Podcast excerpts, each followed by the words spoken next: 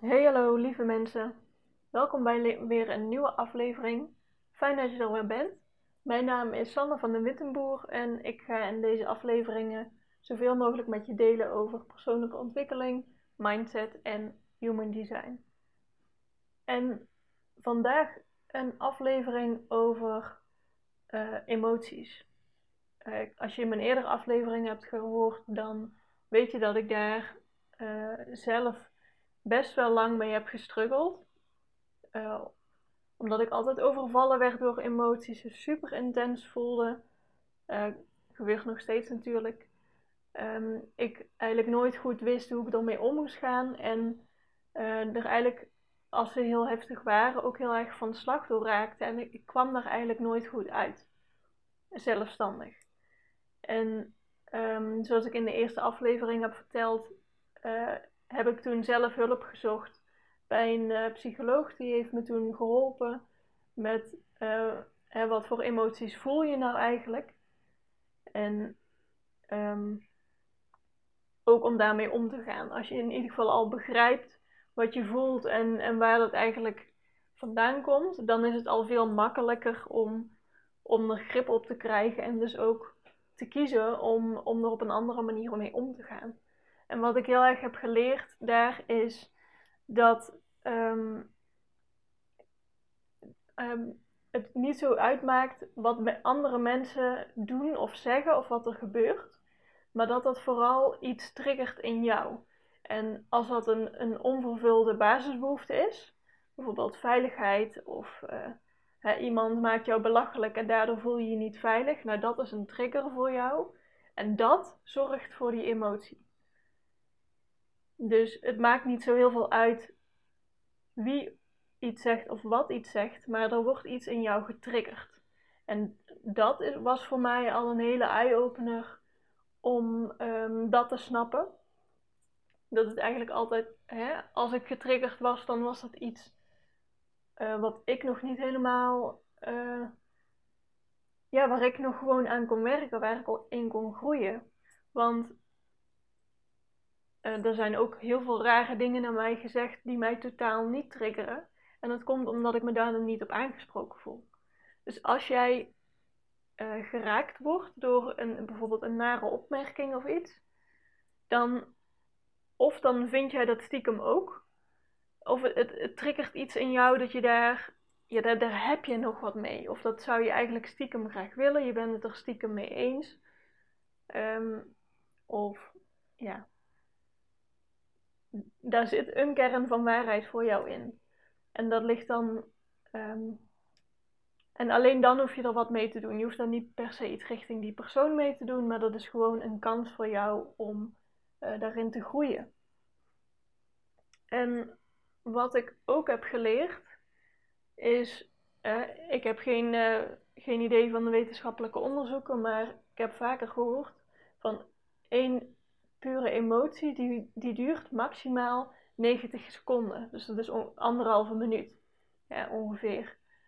Um, geen idee of dat uh, precies 90 seconden duurt, maar wat ik wel weet en ook uh, ervaar, is dat jij als je iets voelt of ervaart, dat jouw gedachten in diezelfde richting gaan. Dus als ik bijvoorbeeld iemand zei iets uh, naars over me, over ik veel, hoe mijn haar eruit zag of uh, iets.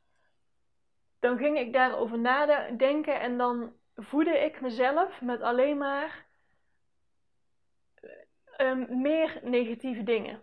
Hè, mijn haar zit niet goed en het is altijd pluizig en weet ik veel. Ik heb uh, een bos krullen, dus struggle of mijn life.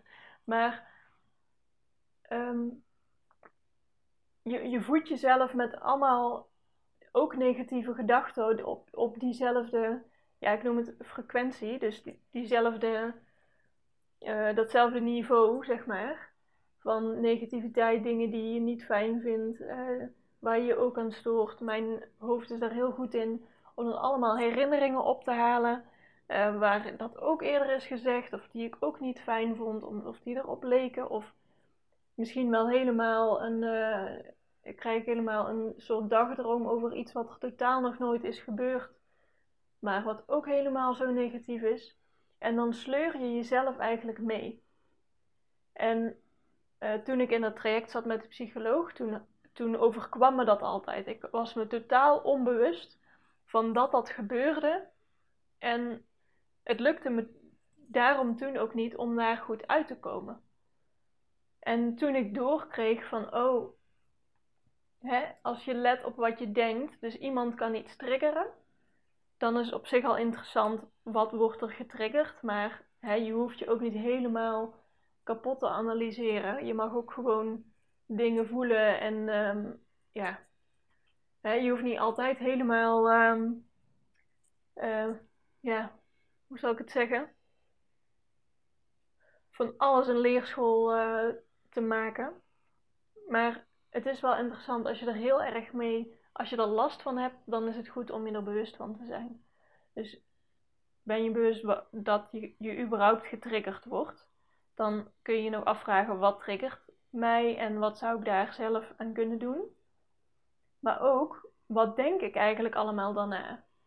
En als je zover bent, van hè, je bent daar eerst uh, onbewust onbekwaam, dan word je bewust onbekwaam van oké, eh, mijn gedachtegang gaat weer uh, de verkeerde kant op.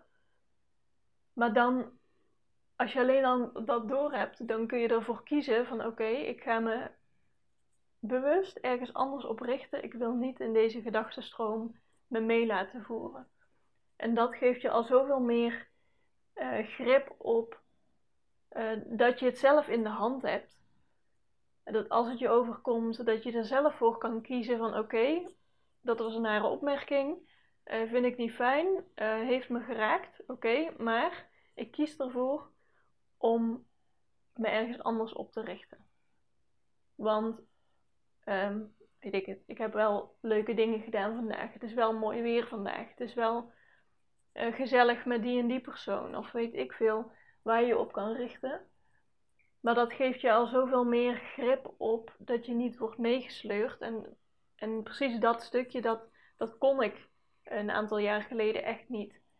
En ehm, als ik nu erop terugkijk, ik heb dat toen, was dat best wel een leerproces van de, de ik vond het best lastig om te oefenen. En op dat moment leek het ook bijna niet vooruit te gaan.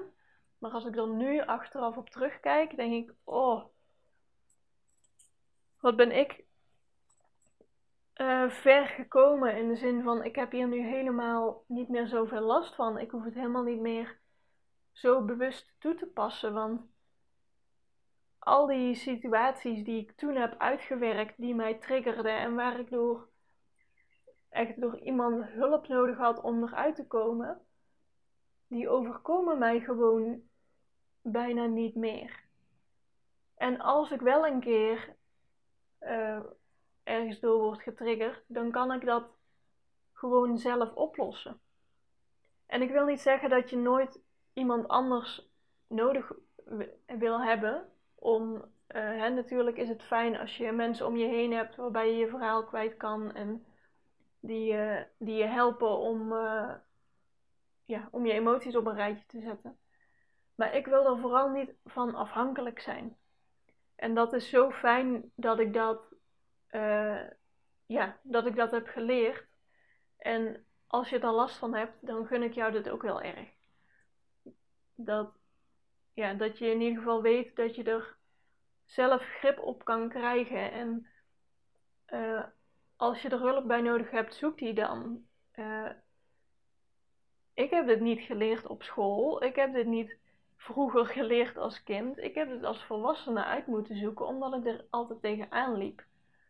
En ik zou het zo fijn vinden als dit een normaal onderwerp is, dat gewoon iedereen heeft te maken met emoties. Iedereen wil hier hè, op een goede manier om kunnen gaan, mee om kunnen gaan, dat je er in ieder geval geen, niet zo last van hebt. En dat zou ik wel graag willen. Dat, dat we er gewoon over kunnen praten. Dat het een normaal leeronderwerp is. Dat kinderen dit op school leren.